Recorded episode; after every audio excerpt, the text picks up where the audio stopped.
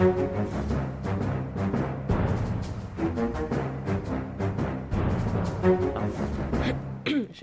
du også begynne å hoste nå? Men ja, ja, Vent litt. Sånn. Ferdig. Klar. Jepp. Nei, men ønsker vi rett og slett velkommen til Norges uh, sinteste podkast.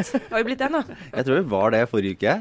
Ja. Uh, nei da, en ny uke med Aftenpodden. Uh, politisk redaktør Trine Eilertsen. Ja. Hei. Kulturredaktør Sara Sørheim. Hallo. Jeg er Lars Glomnes. Alt er ved det vante. Ja. Vi, eh, vi hadde noen oppgjør forrige uke. Er vi, hvordan er stemningen nå? Er vi litt mildere stemt mot verden? Altså vi, både jeg og Eilertsen er jo litt sånn mildere stemt nå av, av andre, helt andre årsaker. Mer sånn underlagt fysiske lover, egentlig. Så øh, begge Altså, jeg har- glemt, jeg glemt alt vi snakket om forrige uke. Det syns jeg òg er greit. Må legge det bak deg. Ja. Jeg husker ingenting av det. Ah. Men det er ingen sånne, det er ikke noen så mange ting som har irritert denne uka. I denne uka har det faktisk skjedd ganske mye som har vært sånn Ja. helt genuint interessant. Så jeg har ikke brukt så mye tid på sånn sitte hjemme i sofaen og irritere meg over øh, sånn Men la oss ikke love for mye. Nei. Eh, For det, det, jeg har en mistanke om at det kan, kan dukke opp et par ting likevel. Det kan det. Men uh, vi er i bedre, ja, bedre humør, tilbake i arbeidsrytmen. Yes. Um, alle hadde litt sånn eh, gårsdager med, med, med noe som skjedde. Du, Sara Sørheim, tok valgkampen på alvor. Uh, stilte i, sånn, um, i det sosialt lag med eliten. Ja, altså Om jeg ikke tok en pinne for landet, så tok jeg i hvert fall en pinne for podden uh, gjennom å gå på fest i går. Så jeg må bare unnskylde litt sånn sliten stemme akkurat nå. Det er en sånn bieffekt for meg når jeg går på fest. Jeg tror kroppen prøver å fortelle Bieffekt meg noe. bieffekt av research. Jeg mister veldig ofte stemmen dagen etter at jeg har vært på fest, og det sier kanskje noe om at jeg burde lære meg at jeg har én munn og to ører. Men det, men det får bli en annen gang. Men eh, nei, jeg var på um, en sånn eh, hva skal vi kalle det for noe, valgkampaktig fest eh, som Sigbjørn Aanes, som er eh, spinndoktoren til Erna, eh, har hvert år. Eh, men nå når det er valgkamp, så er det liksom litt sånn ekstra gøy å være der. Og da samler han sitt nettverk egentlig av rådgivere og politikere og mediefolk og ja, de vanlige folka, egentlig. Mange som- invitert. Kan, kan jo, eh, jeg vet ikke om vi skal kalle det et godt, men ubekreftet rykte, men eh, det kan i hvert fall sies at i Arbeiderpartiet så er det flere som er litt eh, misunnelige på at eh, Høyre på en måte har tatt arenaen som sosial eh, entreprenør når det gjelder sånne mingleting. Ja, for der, det må jeg si, Sigbjørn Aanes har en, han har en helt sånn unik egenskap sosialt. Og jeg, jeg kan jo referere en La oss gjøre han anonym, da. En tidligere Arbeiderparti-rådgiver som jo litt sånn bittert sa i går at det skal Aanes ha. Eh, dette er han best på.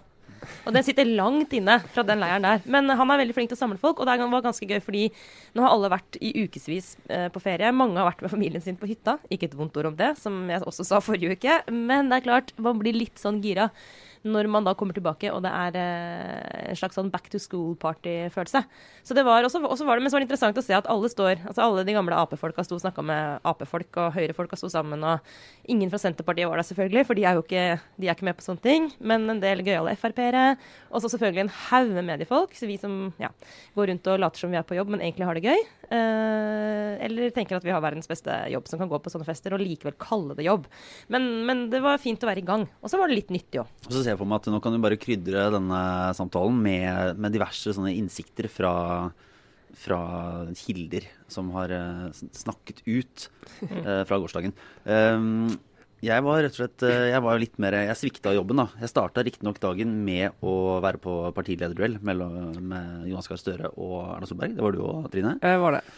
Veldig seriøst. Og så droppa jeg um, pils og politikk og dro heller på Øyafestivalen for å oppleve litt regn. Ja. Så um, Men der fikk du dosen. jeg fikk mer enn min dose, rett og slett. Uh, men satser på bedre vær de neste dagene. Ja.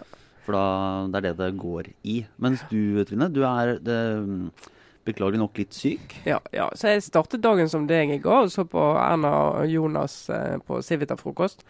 Um, og skulle egentlig skrive om det, men jeg måtte kaste inn håndkle. Jeg har bihulebetennelse. Gikk hjem, satt meg i stolen og tenkte at jeg har ett mål i livet i dag, og jeg skal se Karsten Warholm løpe eh, finalen i 400 meter hekk. Jeg sto og så på TV, og som alle jo har fått med seg, så gikk det ganske bra. Det var så kult. Ja, Så det var veldig gøy. Selv på den festen i går, hvor det var uh, utrolig mange som likte å snakke og høre sin egen stemme, meg selv åpenbart inkludert, uh, det var ganske sånn høyt lydnivå. Men faktisk, Jarle Roheim Haakonsen i NRK var smart nok til å dra opp en telefon. Uh, han hadde fått med seg når 400 meter hekk starta. Ja, 22.33. Så da var det faktisk et lite øyeblikk der hvor folk holdt kjeft og så han løpe. Og um, kan egentlig bare si at det, det tror jeg var det eneste. En sånn bragd liksom, av historisk nivå Ja. som kunne overdøve den larmen rykke på den festen. dere ut av, eh, av på en måte selvopptattheten.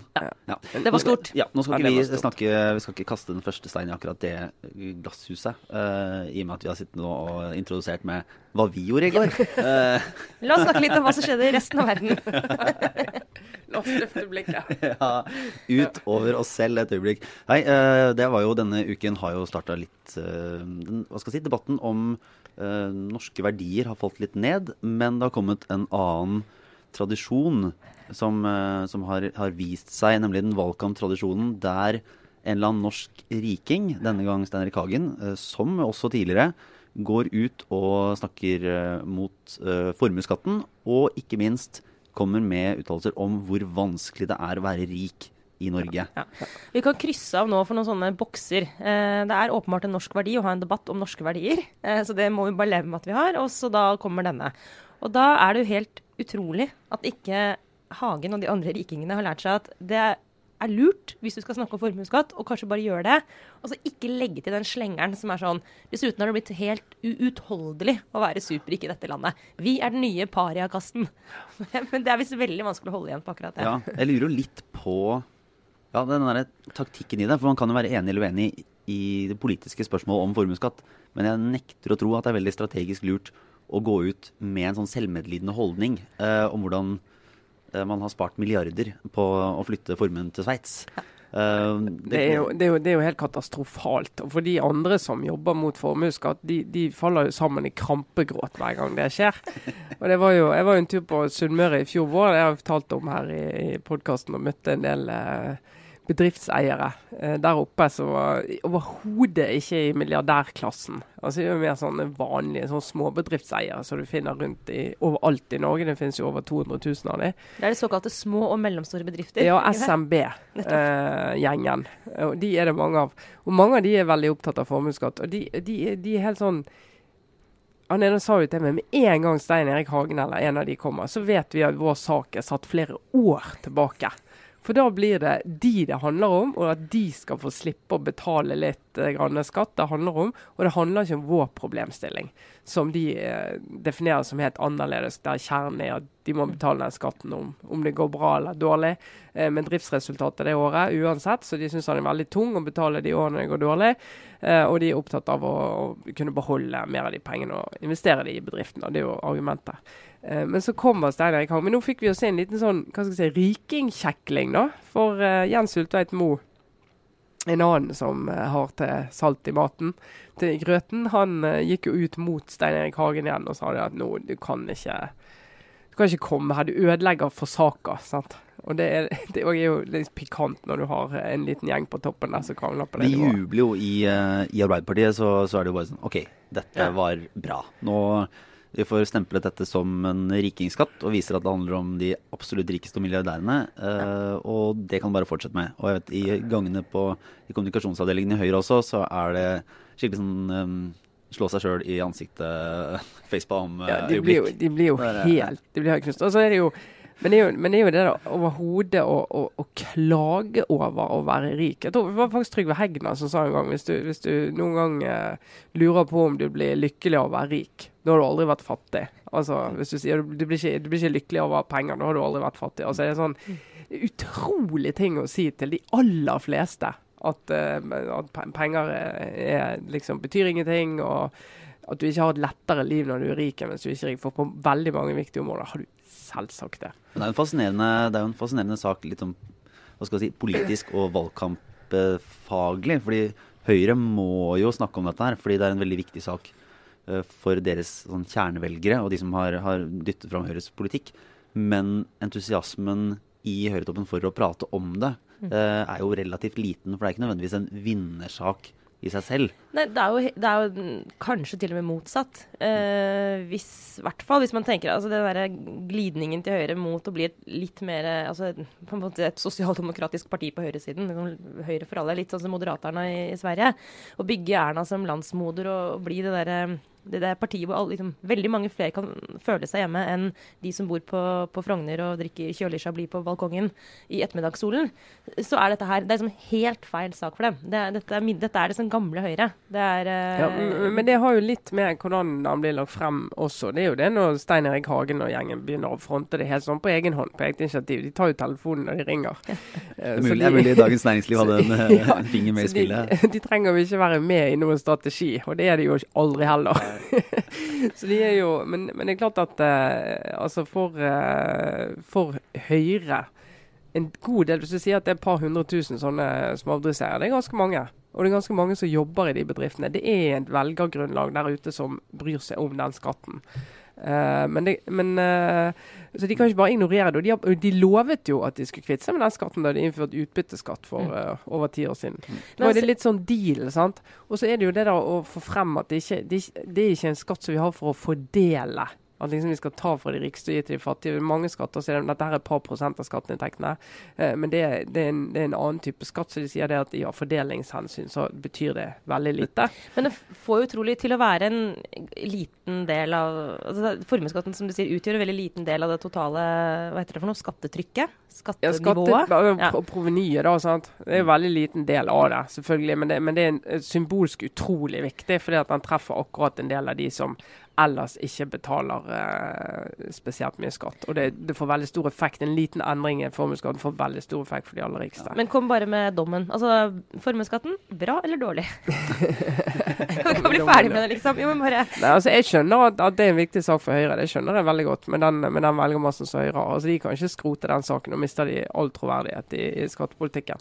Mm. Uh, men det som er fascinerende, er jo en del av disse veldig rike menneskene. Jeg, altså, jeg jobbet jo i Bergen i flere år og hadde jo kontakt med flere av de der. liksom Virkelig sånn gamle borgerskapet med gamle penger og, og en del nye penger. Um, oppegående, smarte folk, selvfølgelig. Det er mange av de, Noen av de har arvet penger, ikke, alle de som så oppegående, kanskje. Men uh, en del av de har gjort uh, veldig spennende ting. Uh, og de tåler jo ikke kritisk journalistikk mot seg. Veldig veldig mange av de, altså virkelig si omtrent flertallet. Og det, det, er ikke sånn som vanlige mennesker som ikke tåler kritisk journalistikk, men de går på sånn sårhet. sånn men jeg er jo en samfunnsstøtte. Jeg bidrar jo så mye til dette samfunnet med alt jeg gjør, og så skal dere komme her og plage meg med sånn bagateller. Ja, For det ligger litt under? Det, altså, ja, det, det ligger litt under. Og ja. nesten, og det er litt det som Stein Erik Hagen litt sånn utaktisk på en måte sier rett ut. da. Vi bidrar liksom, så mye. Vi ofrer jo mye, vi òg. Det er litt så sånn er åpenbart at han føler det. Han, han har jo føler jo det. Han kjenner på det, at, at, det, at den gjør ikke blir verdsatt nok ja, og jeg tror han føler at han blir for mye raljert med, og det er liksom greit å mobbe riking og, og, det er litt sånn å stikke til de og alle de som liker og sånn. Og for ikke bringe opp det grusomme Rim i hagen-stempelet, som sannsynligvis liksom, Han våkner liksom i mareritt sannsynligvis fortsatt om natta og tenker på at han blir kalt Rim i hagen, og det er liksom veldig smertefullt. Ja. Ja. Nei, jeg hadde, hadde en, en, rik, riking, som er et godt begrep, i Bergen som jeg hadde et par sånne trefninger med. Som eh, vi, skrev, vi skrev om, og han var utrolig sår. Uh, og han ble så sår at han på et tidspunkt omtalte meg til en av våre andre mine kollegaer som hun kjønnskvoterte lesben i BT. Så da vet du på en måte at uh, du, du, har på en måte nådd toppen. Da traff du en eller annen nerve. Sånn, uh... Så det er sånn, ja ja, det kan Ingen av de tingene er for så vidt et problem, men akkurat det stemte ikke. Greit. Jepp. I, videre i, i valgkampen. Vi snakket jo i forrige uke om denne striden mellom partiene om å få sine saker opp på dagsorden. Mm. Uh, og også hvordan uh, Frp ville ha innvandring, og særlig Sylvi Listhaug vil ha innvandring som det store temaet. Selv om det kanskje uh, ikke egentlig er det ut fra um, sånn dagsdato mm. nyhetsmessige forhold. Uh, og ingen andre egentlig vil snakke om det. Men det har jo nå, nå har det jo kommet, for de kjører på. Og ja. ikke minst så har det dratt opp en liten konflikt mellom, mellom Sylvi Listhaug og Knut Arild Hareide i Politisk kvarter onsdag Eh, denne uka. Eh, der eh, Sylvi Listhaug Hun mente vel at at, at, KrF og en del andre partier har gått inn for på en måte, ukritisk bistand og, mm. og, delt dette ut. Og så blandet litt sammen med at man har, ikke har måte, stilt krav og ikke stilt opp. Og eh, det er det klassiske nå politiske angrepet om hvordan Hareide andre eh, sleiker imamer opp etter ryggen. elegant formulert, du. Elegant formulert, ja. men nå så jo også en, en runde nå som, som, vi gjorde i Aftenposten til fylkeslederen i KrF, som, som peker nå på at retorikken til Sylvi Listhaug og Sylvi Listhaug nå som tidligere eh, gjør at avstanden er større politisk. Mm. Og det kan jo det kan bli en, det blir en nøtt, for det er ingenting som tyder på, på at uh, dette hjelper noe på forholdet til Venstre heller. Og de ligger fortsatt godt under sperregrensa på alle målinger. Det, jo, det, var jo en sjelden, uh, sjelden opplevelse i går. Altså, ut var mediedekningen ut gjennom dagen i går etter den uh, med, altså, trefningen som Hareide og Listhaug hadde i Politisk kvarter. så sa faktisk Gikk Sylvi Listhaug langt i å beklage den ordbruken? og Det tror jeg nesten ikke jeg har sett før at hun har gjort. det. Jeg tror faktisk aldri jeg har sett før at hun har gjort. Uh, og Jeg vet ikke helt hva det er et symptom på, men det kan jo være en, en erkjennelse av at altså akkurat hennes måte å være på, å snakke på og gå inn i den type diskusjoner på, det er jo en, en av de viktige forklaringene på at det samarbeidet er vanskelig mellom de fire partiene. Altså det, det, er synd å si det at en person skal ha så stor mm. innflytelse over det, men det har det. fordi at altså Hvis du ser på realiteten og gjennomslaget politisk, og sånn, så går det fint an å si at KrF og Venstre har hatt mye gjennomslag politisk. Men for en del av de for partitoppene forstår jo det, og de som sitter i, rundt regjeringen og forhandler og er på Stortinget. Men ute, på grasrota, ute blant velgerne, velgerne, velgerne, velgerne hva Sylvi Listhaug sier og gjør, enn hva gjennomslag Venstre får i forhandlingene med regjeringen. Så derfor så Hver gang hun sier noe, så blir det litt sånn rykk tilbake fem plasser mm. i den der eh, følelsen av at det samarbeidet fungerer. Så det er virkelig et problem. Ja, for Jeg skulle gjerne likt altså Jeg kan ikke forstå annet enn at eh, altså For det første, eh, regjeringen for å bli sittende er helt avhengig av å få med seg Venstre over sperregrensa. Og det er jo touch and go på om det ser ut om, om det slår inn eller ikke. Og da, Jeg kan ikke skjønne annet enn at strategisk sett nå så må du passe på at de ikke skremmer bort altså, typiske venstrevelgerne, som nå liksom må velge mellom eh, å bli støtteparti altså, til en regjering med Listhaug i, eller liksom eh, en, en, en, altså en Arbeiderpartiregjering med et sterkt Senterparti. Det er jo, et, det er jo liksom pest eller kolera. Men jeg kan, jeg kan ikke skjønne annet enn at jo mer hun får dominere retorikken og valgkampen, jo færre av den velgergruppen blir frista til å gå til venstre. Skjønner du logikken? Altså, er det ikke er det ikke en direkte sammenheng mellom Venstres evne til å komme seg over sperregrensa og graden av listhaugifisering av uh, valgkampen?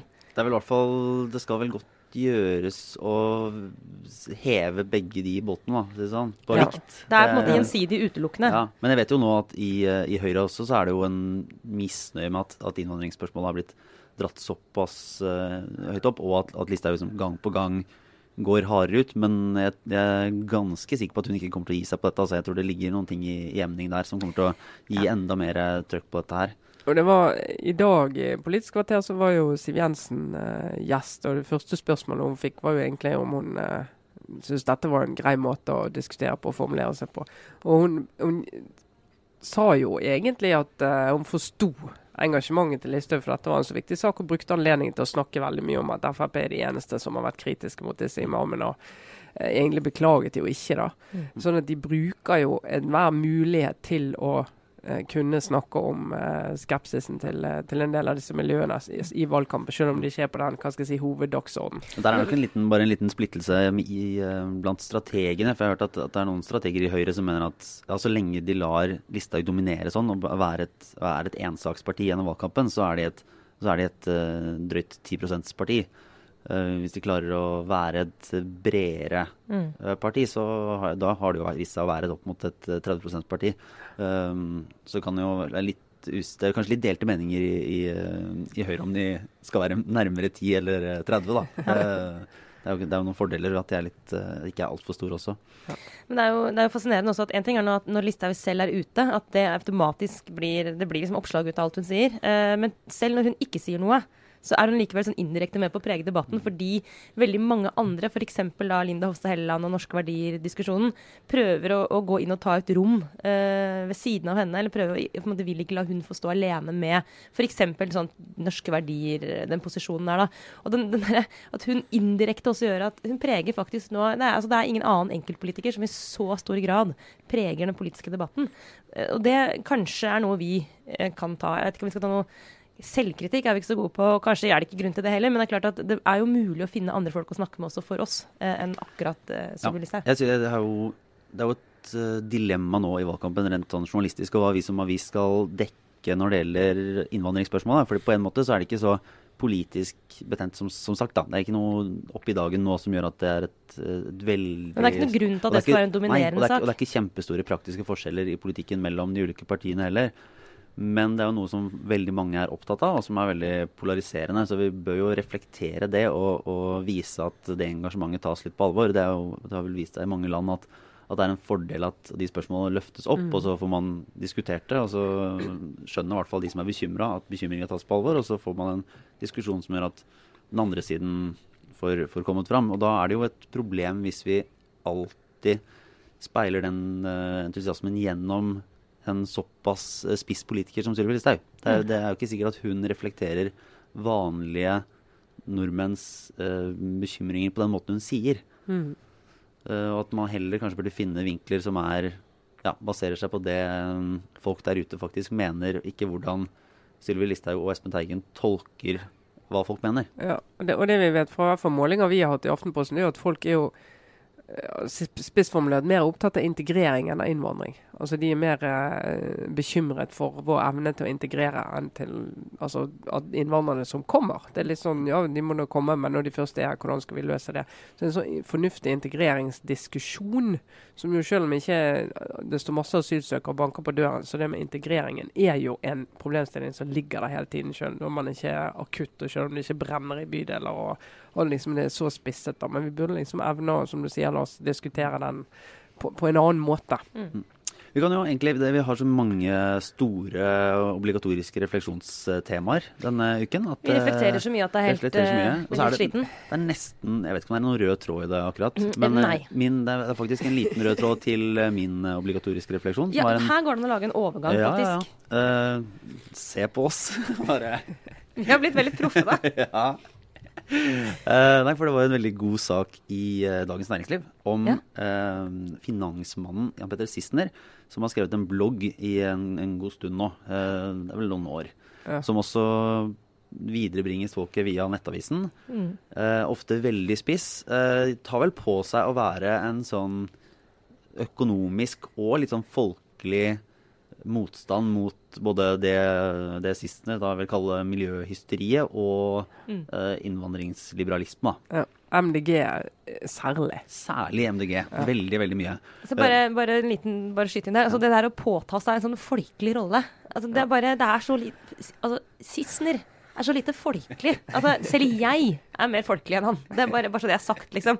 Men, men, men, for all del. Det er tydeligvis noe man bare Bare å ta på seg merkelappen sånn På vegne av folket skriver jeg denne bloggen. Så har man liksom en slags, sånn, ikke, en slags sånn moralsk forpliktelse som Jeg må bare fremme dette, disse synspunktene. Fordi alle vi som blir tvunget til taushet, liksom et talerør for dem. Si det som ikke kan sies, og, ja. og være den rasjonelle. Ja. ja.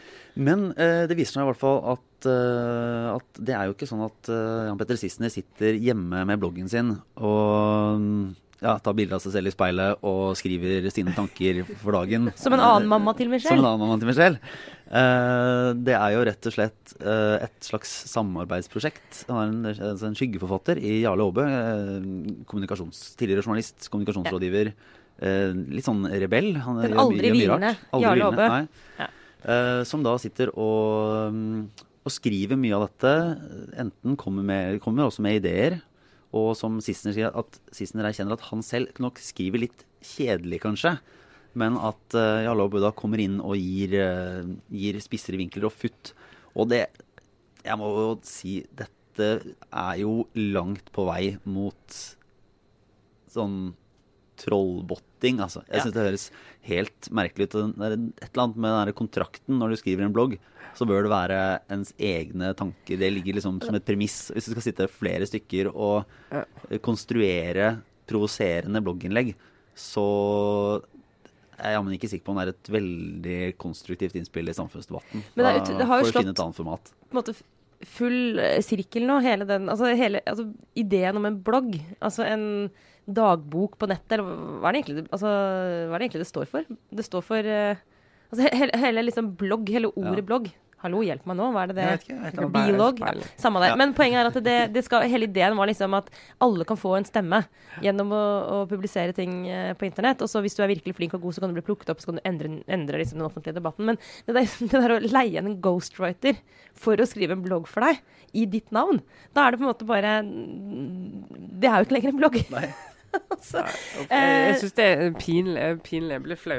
Jeg flau. Det er det jeg har å si om det. Jeg blir Ja. flau. Kanskje, kanskje, kanskje Åbe bare skriver blogg, da. ja, kan ikke han gjøre det? Og så kan han sistnevnte, hvis han ikke skriver særlig godt. Det er uansett interessant å, at en sånn som han blogger, hvis han faktisk gjør det, så bare skriv litt hjelpeløst og gjør vel ingenting. Men en annen, en annen ting med den bloggen Jeg har lest den en stund, eh, før jeg også visste at det var Jarle Aabø som eh, skrev den. Og jeg syns eh, det er faktisk eh, det altså den, den hetsen, for det er faktisk det ordet jeg må bruke, som, eh, som eh, eh, altså Miljøpartiet De Grønne, men særlig Lan Marie Berg, får i Nei, jo, Lan Marie Ja. Berg får i den Altså den tonen og det liksom underliggende altså, altså den, det, er, det er en form for karikering av henne. Men det er, en sånn, det er en, et aggresjonsnivå som er miso misogynistisk, rett og slett. Ja. Altså det, det er bare en helt sånn Og det, det tenker jeg det har altså det er rett og slett litt sånn Jeg tenker sånn dette er søppel. Det er, det, skal, det er en grunn til at dette her ikke er en del av en sånn etablert offentlighet. Rett og slett fordi at du må ha bedre argumenter.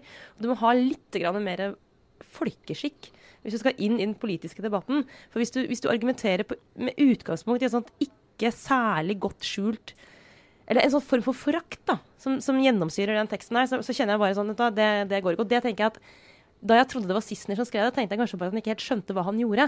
Men jeg, når jeg nå hører at det er en profesjonell PR-rådgiver, tidligere journalist, en person som har deltatt i det offentlige ordskiftet i Norge i årevis, som helt bevisst skaper nettopp den tonen, da jeg det, da, er det liksom, da er det jo faktisk veldig kynisk og eh, ikke noe som fremmer den offentlige samtalen i dette landet. Men, Og det var litt eh, irritert likevel. ja det, var, det var bra. Det, var noe å eh, engasjere seg i.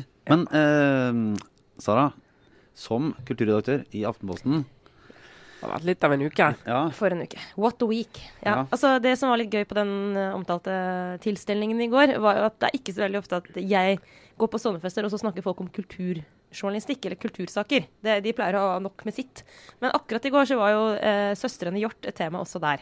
Og det er jo ikke så ofte at de sakene vi har, liksom slår så bredt ut. Eh, Men det er klart at da vi fikk den nyheten om at eh, søstera til Vigdis Hjorth har skrevet en svarroman til arv og miljø, Altså Det er noen ganger i, det, i dette, dette journalistlivet hvor man liksom får en sak inn, man bare får den følelsen Jeg vet at dere to skjønner hva jeg mener nå. Hvordan skal vi beskrive den? Den følelsen av sånn Å, herregud. Yes! Det var, det var en Eh, litt ja. engasjert uh, Sørheim som kom, uh, kom inn på et rom her uh, i slutten av forrige uke og bare Dette, her har vi noe. Ja, altså, og det, har, det, det har vært en del dilemmaer med den uh, saken. Altså å skrive sakene, rett og slett. altså det, er, uh, det er en problematisk bokutgivelse. Altså for, for de av dere som ikke helt henger med i alle disse svingene i denne, denne saken, så kortversjonen er jo at eh, det var en debatt i fjor om arv og miljø. En fantastisk roman. En av Vigdis Hjorth kanskje den aller beste hun har skrevet. I hvert fall en av hennes beste. Eh, veldig godt lest i Norge. Men det er klart at den, den har biografiske elementer i seg, og det hadde vi en debatt om i Aftenposten. Det fikk vi også veldig mye kritikk for å ta opp, fordi det er ikke vanlig å, bedrive journalistikk på en roman. Men det er heller ikke vanlig at en roman inneholder så mange gjenkjennelige både karakterer og hendelser fra folk ute i det virkelige liv. Men dette var i fjor, men, men så har da søsteren til Vigdis Hjorth i hemmelighet, eh, etter å ha virkelig gått mange runder, fordi eh, som levende romankarakter mot din vilje, så har du egentlig ingenting Det er ingenting du kan gjøre med det. Juridisk eller på annen måte. Det er veldig vanskelig å slå tilbake. Så hun kom frem til at den eneste måten hun kunne slå tilbake på, var gjennom å bruke nøyaktig samme mynt eller medisin og skrive en roman selv. Og det har aldri skjedd før. I verken norsk eller altså, nesten ikke i litteraturhistorien. Ikke, ikke så Altså en, en roman med nøyaktig samme historie som Arv og miljø. Helt de samme karakterene. Men alt som skjer, tolkes og forstås helt omvendt. Og, og, og det som på en måte er håper, altså, um, alle, alle rollene er snudd opp ned. Det, det, eh, skurken er i Altså, i, i søs, lillesøsterens roman er jo storesøsteren som utleverer disse familiemedlemmene. Uhyre interessant. Det åpner for en helt sånn uendelig rekke med både diskusjoner og refleksjoner rundt Mm. familieforhold. Og det blir jo, blir jo satt på spissen, fordi i arv og så er det jo da en, en uh, i romanform en anklage mot et familiemedlem om overgrep. Ja. Som gjør at det, en måte er, det er faktisk det, en måte anklages for en veldig grov og, og forbrytelse. Og det, er, det er med på å gjøre dette til litt sånn problematisk sak. Fordi det er, det er jo påstander av veldig, veldig privat karakter. Og det er virkelig ikke i offentlighetens interesse Uh, det, er, altså det, er ikke, det er ikke en sak som en måte, andre mennesker egentlig bør ha innsyn i i en familie enn enn de det gjelder. Samtidig så er det sånn at når du først har valgt å ta det ut i en roman og komme med sånne type anklager mot gjenkjennbare personer, så har også forlaget og Vigdis Hjorth gått over en grense som meg bekjent eh, man i hvert fall ikke så tydelig har gjort før i norsk litteraturhistorie. Altså det å, det å komme med sånne anklager, selv om det er i en roman, det flytter noen grenser. og Det er verdt, verdt å diskutere, men det er en veldig viktig etisk diskusjon. Ikke bare i litteraturfeltet, men faktisk eh, litt mer overordna enn det også. Og det er en, det er en, det er en debatt som jeg syns er ganske viktig at man tar. Og jeg reagerer litt på, jeg bare med undring egentlig ser at i kulturlivet nå, akkurat som forrige gang, så kommer det mange reaksjoner på at, på at folk reagerer i utgangspunktet på at man i det hele tatt diskuterer dette. Mm.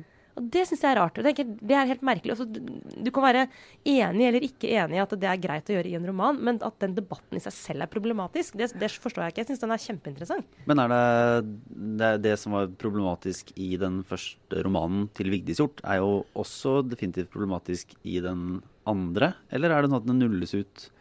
Nei, det er jo på måte, det er jo altså- like utleverende Ja, Vår kommentator Ingunn Økland har jo sagt at det, de, har, de har jo nøyaktig det samme. Det var jo hun som åpnet med å problematisere arv og miljø. Hun sier jo at de samme spørsmålene må de jo stille med, med denne boken. Og på toppen av det så fungerer jo denne boken nærmest som en bekreftelse av alle de biografiske elementene i Vigdus Hjort sin bok. Så det blir jo det, det veldig, Jeg liker- veldig ja. spesielt, altså. Jeg, liker, jeg, jeg, på det jeg ser jo det prinsipielle her, men det er noe fascinerende med sånne kulturdebatter som på den ene siden er uh, litt sånn høyverdige og prinsipielle, og så andre er bare sånn Det skjer så mye faenskap i den familien her! De klager på hverandre, og skriver hun en roman, og hun skriver en roman, og hva er sant? Og, eh, sånn, eh, det er den derre miksen mellom det prinsipielle og det veldig, veldig sladrete og sensasjonelle og eh, såre og triste. For det, det, det vitner jo om, uten at jeg har fått rukket å lest noen av romanene ennå det, Dere har vel i hvert fall lest den første, og du Sara har lest den andre. Ja. Så er det jo Det må jo være en helt forferdelig familie, og det må være en sånn tragedie i en familie å havne i en situasjon der det åpenbart er helt fullstendig forskjellige historiefortellinger om oppvekst og samhold og hvem som, altså, hvem som er hva. Mm. Uh, til du kommer til et punkt der, eh, der kommunikasjonsformen er romaner. Roman, ja. Det Det, litt sånn, det blir litt sånn bare si til et familiemedlem Hvis ikke jeg får viljen min, så skriver jeg en roman. Pass Ja, deg. ja. Jeg skriver en roman om dette. Det er utrolig ressurssterkt, for det, selv om uh, Fri vilje Vi kommer sikkert tilbake til dette, altså, for, for, men selv om Fri vilje, altså søsterens roman, den er jo ikke like god litterært sett som Arv og miljø, og det skulle godt gjøres. Arv og miljø rent sånn litterært er jo virkelig en eh, Det er en kjempegod bok. Men den er heller ikke dårlig. Og, og hadde, hadde den uh, fri vilje. Og det, det var jeg litt bekymret for. Det diskuterte vi mye her før vi gjorde den, den saken. Før vi hadde lest manus. Det hadde vært vanskeligere å rettferdiggjøre og, og, og skrive om den boka hvis den hadde vært veldig, veldig dårlig. Men den har kvaliteter ved seg som fortjener at den utgis som en roman. Den Men har litterære kvaliteter. Egne kvaliteter, eller bare fordi Ja. den speiler den, som en sånn øh, et lesestykke ved siden av som speiler måte kvalitetene Altså- i det opprinnelige verket. For det, det, kan jo, det kan jo virke som det kanskje er litt sånn øh, Ja, at den snylter på kvalitetene til arv og miljø, da. Ja, men den gjør det. Altså, det eh, temperaturen og, og nerven i denne fri vilje henter den jo fra liksom, utgangspunktet i arv og miljø. Det ligger der som en sånn vanvittig sånn elektrisitet mellom, i hver setning. Eh, så det er riktig. Uten arv og miljø så ville ikke den leseropplevelsen vært den samme. Men, men det, er, det er ikke bare det. Altså, den er ganske snedig komponert, og det er jo også en historie som er gripende fordi Eh, du møter liksom mennesker som opplever seg som totalt maktesløse uh, i, i møte med da profesjonelle aktører i det offentlige rom. Altså både journalister og forfattere, og vi som er vant til å forholde oss til at offentligheten er et sted vi kan, som vi bruker.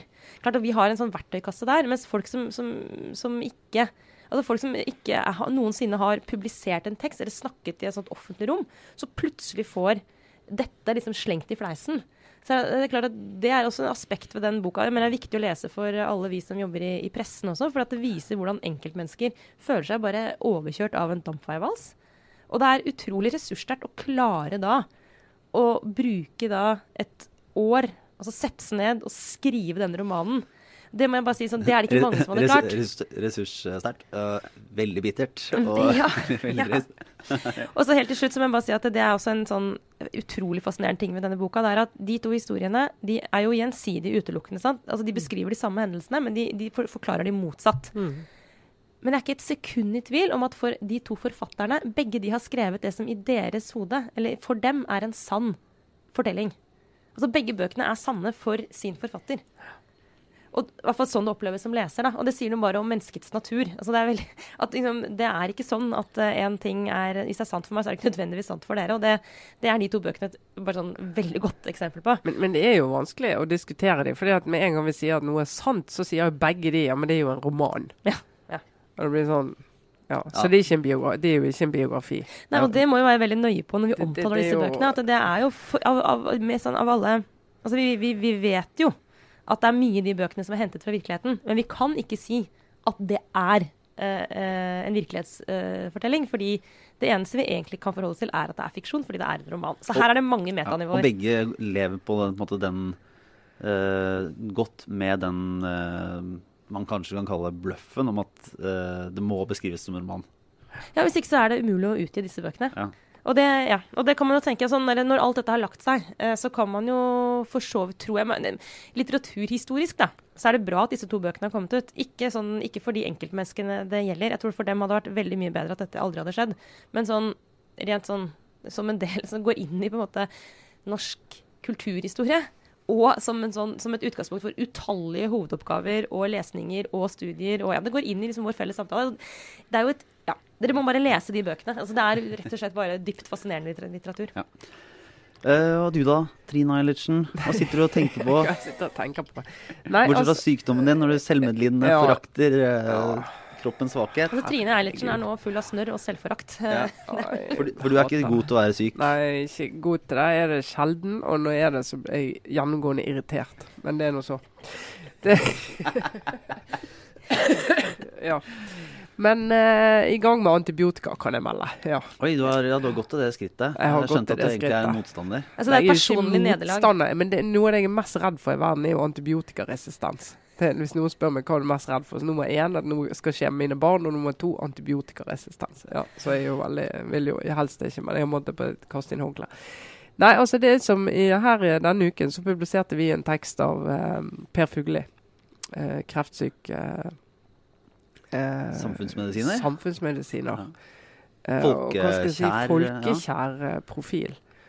Eh, han har på en, på en slags måte publisert sitt meningstestamente.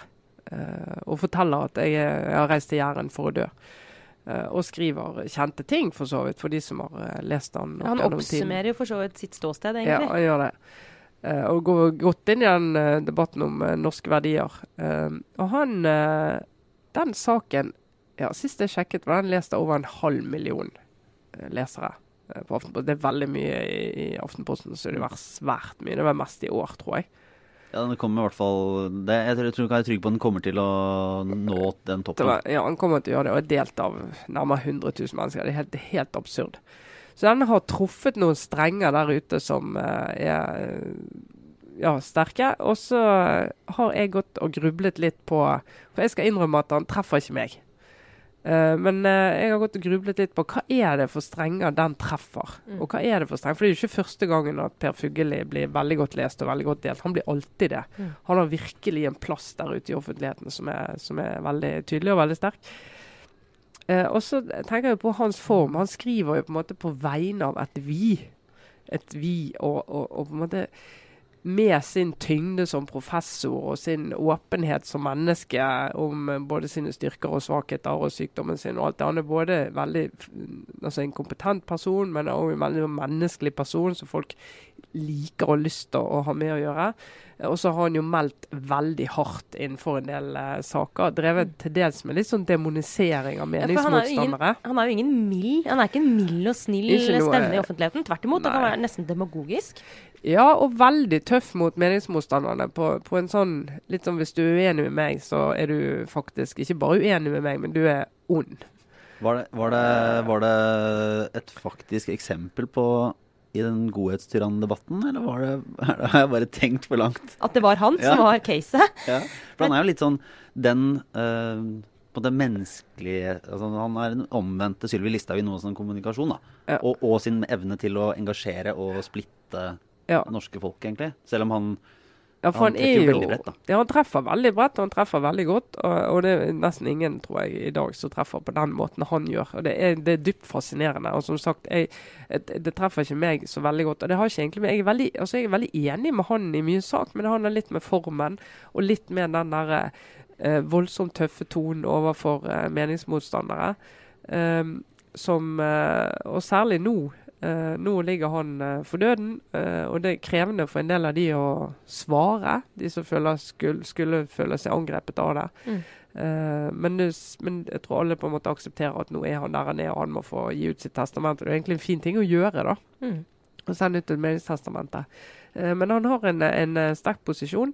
Men litt fascinerende altså, hva, hva de eh, bygger på. Altså, jeg, jeg, har ikke hele svaret uh, på det, og jeg tar gjerne imot innspill. For jeg ser det veldig mange, også folk som jeg ikke trodde uh, var, var uh, hva skal jeg si, ble, ble, så grepet av hans tekster, da, blir jo det. Så han mm. treffer jo flere strenger enn jeg trodde, rett og slett. Men det er jo den der, også Du sa motsatte Sylvi Listhaug. fordi på en måte er han jo like polemisk uh, og drøy uh, i sine uttalelser. Men, men, ikke like splittende, sånn tilsynelatende. Men det tror jeg også handler veldig mye om at mange av de som ikke liker tonen og uh, poengene til Per Fugli, opplever det som bare det er selvfølgelig, Nå er det ekstra uh, sårt fordi han er syk, men også før det. At det er vanskeligere å gå inn i en diskusjon med en som er på en måte så på det gode side. Altså det er jo, Sylvi Listhaug er lett å angripe, uh, mens når du kommer fra andre kanten, så det, er, det, er, det er faktisk litt mer utfordrende, fordi du blir du blir bare sett på som ekstremt uraus hvis man begynner å gå inn og liksom, gå imot. da, fordi... Ja. Og hun er jo tross alt politiker, da. Som jo har en annen makt tross alt enn en de fleste andre har. Ja. Eh, og skal jo motsies på en annen måte. Men, eh, men jeg ser også at det, det, er flere Frank Rossavik skrev en kommentar for noen år siden. Eh, veldig tøff eh, kommentar eh, mot Per Fugelli. Eh, som, han, som, jeg vet han fikk mye respons på, og som ble, ble godt lest. men det hadde vært vanskelig å skrive den kommentaren i dag. Det hadde det jo. Ja. Men det er i hvert fall da, uansett et bilde på også at vi snakket i stad med Sissener og andre bloggere på, på høyresiden veldig ofte, som er som et talerør for folket. Men altså når vi ser på f.eks. hvordan denne, da, denne teksten til Per Fugli, som er helt motsatt, altså politisk, hvordan den sprer seg og hvordan den fenger, så er det iallfall helt åpenbart at det, vi må kanskje slutte nå etter hvert å si sånn på vegne av folket. Altså de, det, det, det, men, men, akkurat derfor jeg tror det har en veldig stor effekt. Altså jeg, jeg får jo lett sånn eksem når jeg ser eh, kommentatorer altså bruke den vi-formuleringen. Vi er sånn, og vi mener det. For da alltid spør jeg men hvem er vi? Mm. For i et land, ikke et stort land, men vi har tross alt så mange at det fins ikke så mange vi hvor du virkelig med rette kan si vi. Da må du si vi med norsk pass. Det ja. kan du si. Ja. Uh, men så mye lenger enn det kommer du ikke med vi.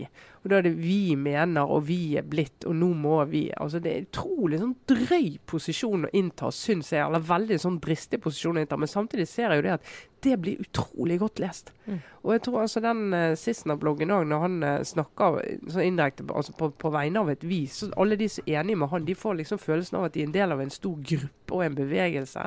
Og det er en god følelse. Du deler, og du liksom viser frem ditt medlemskap i dette vi-et. Mm. Så det er en veldig fascinerende effekt. Så jeg tror ikke de kommer, de som merker at det funker, kommer ikke til å slutte å skrive 'vi'. Nei, jeg tror jo um, det, er jo, det, er jo, det er jo, interessant når, også når fagfolk da, som, som, som, han er, har tatt så del i den offentlige debatten. Det må man egentlig vil jeg tenke, applaudere. Det er jo bare bra. Det er virkelig. Det er bra. Uh, men bare et punkt til den eh, store vi. Jeg tror norsk, det er bare merka opp igjennom at norske lesere uh, er overraskende mottakelige for følelser og melodrama. Ja. Ja. Fordi det blir stort sett litt sånn sultefora på deg i, eh, i, no, i den norsk kultur, da. Som Ja. jeg velger å, velger å samle. Det er veldig, nesten litt søtt nå som vi står etter hvert midt oppe i en valgkamp. Men jeg bare tilbake til utgangspunktet. Altså den, jeg tenkte på den jeg kom inn på den festen i går, hvor du på, hadde nesten hele bredden i norsk politikk. Liksom, her er de som kjemper om makten. Her, her skulle det da i teori, teorien vært liksom skikkelig splittelse og strid.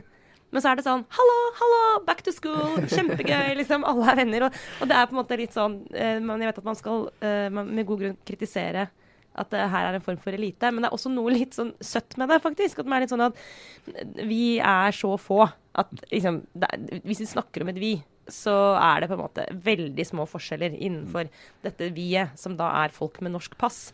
Og det er på en måte også litt fint. Trenger ikke bare å være Det der trenger man egentlig ikke heller bare å liksom være kritisk til. Det er noe litt bra med det. Vi står sammen mot Vi er en bitte liten gallerlandsby i verden, liksom. Det er, det er akkurat den samme gjengen møttes til uh, sånn eh, partilederduell på morgenkvisten klokka kvart over sju eh, hos uh, Civita og hilste og smilte litt sånn trøtt over en kaffekopp. Ja. Men jeg tror vi skal avslutte for, for denne gang, egentlig. Men det vi kanskje burde sagt helt tidlig, for alle de som ikke klarte å komme seg gjennom hele utgaven, de, de sikter vi ikke på uansett. Altså, det er dere som hører på nå, som vi Vi vil ha det. altså, dere vi er glad i. Det er dere som er kjernen. Ja. Uh, nei, for det er bare å opplyse om at vi er i Arendal til uka. Vi har en oppvarming til eh, partilederdebatten på mandag klokka åtte på Aftenpostens båt inne i Pollen, som det heter. Inne i havna i Arendal. Alle som er i Arendal, er hjertelig velkomne til Ja. å komme og høre på. Og så kommer vi til å ha en livepodkast på torsdag På formiddagen, på formiddagen. Jeg tror det er klokken tolv. Uh, det fins uh, event på uh, vår Facebook-side, rett og slett. Mm. Eh, Facebook slash Aftenpodden. Der vi nå, nå har vi blitt ganske gode på å dele saker også, så det skjer, eh, skjer stadig noe der, altså. Eh, og så bare minner vi om at vi er i Trondheim den 22. august. Og Altså, så du må huske disse datoene, Lars, for jeg og Trine i, vi men dette har vi, Så er vi i Tromsø 29. Og da fikk vi, det var en eh, melding på, på Facebook som var bekymra for at vi skulle komme og krasje med partilederduellen som eh, Solberg og Støre har den samme dagen. Men da kan jeg opplyse om at det er ingen fare, for vi skal rett og slett varme opp til den partilederduellen. Eh, samme sted, altså eh, heter det ikke Biblioteket i Tromsø. Mm. Detaljer også på Facebook. Og så er vi i Bergen. Eh, I samarbeid med NRK og i forkant av den store siste partilederduellen. Ja. Nei, altså debatten, der alle er med. Tre, Den tre dager før valget. Ja. Fredag 8. 8. fredag 8. Så bare sett av tid og kom og hils på, så Ja. blir det prat og moro. Og, og hvis dere er i Arendal neste uke, så skal vi også da være der med, altså disse dagene mellom sendingene våre. Så grip fatt i oss da, og kom med noen tilbakemeldinger hvis dere vil på ting vi burde ta med i poden. Ting som skjer i Arendal. Tips, Ja. nyhetsinnspill osv. Ja, lekkasjer. Tar det imot. Vi er alltid med åpne for det. Ja. Vi, vi har taushetsplikt. Ja. Your secret is safe Ja, us. eller hva skal jeg si, vi har kildevern. Ikke, Kildevern. Ja, det var noe eh, annet, ja, det var riktig. En, en liten forskjell, men, eh, men det går vi for. Og så bare Jo, vi smalt til topps i iTunes eh, etter forrige utgave. Eh, like bra denne gang. Tar imot kommentarer og sånne ratings i iTunes og andre ting. Og så er vi tilbake på mandag, i hvert fall torsdag. Ja. Rett og slett. Det er vi faktisk. Det, er det. Det blir det blir mer og hyppigere nå. Ja, ja, det kommer, til å, det kommer til å være mer enn nok for alle som Ja. vil ville høre på. Alle skal med. Ja, Så da takker vi vel for denne gang, rett og slett, og går videre i den lille arbeidsdagen vår. Sara Sørheim, Trine Eilertsen, jeg Lars Lomnes. Ha det bra.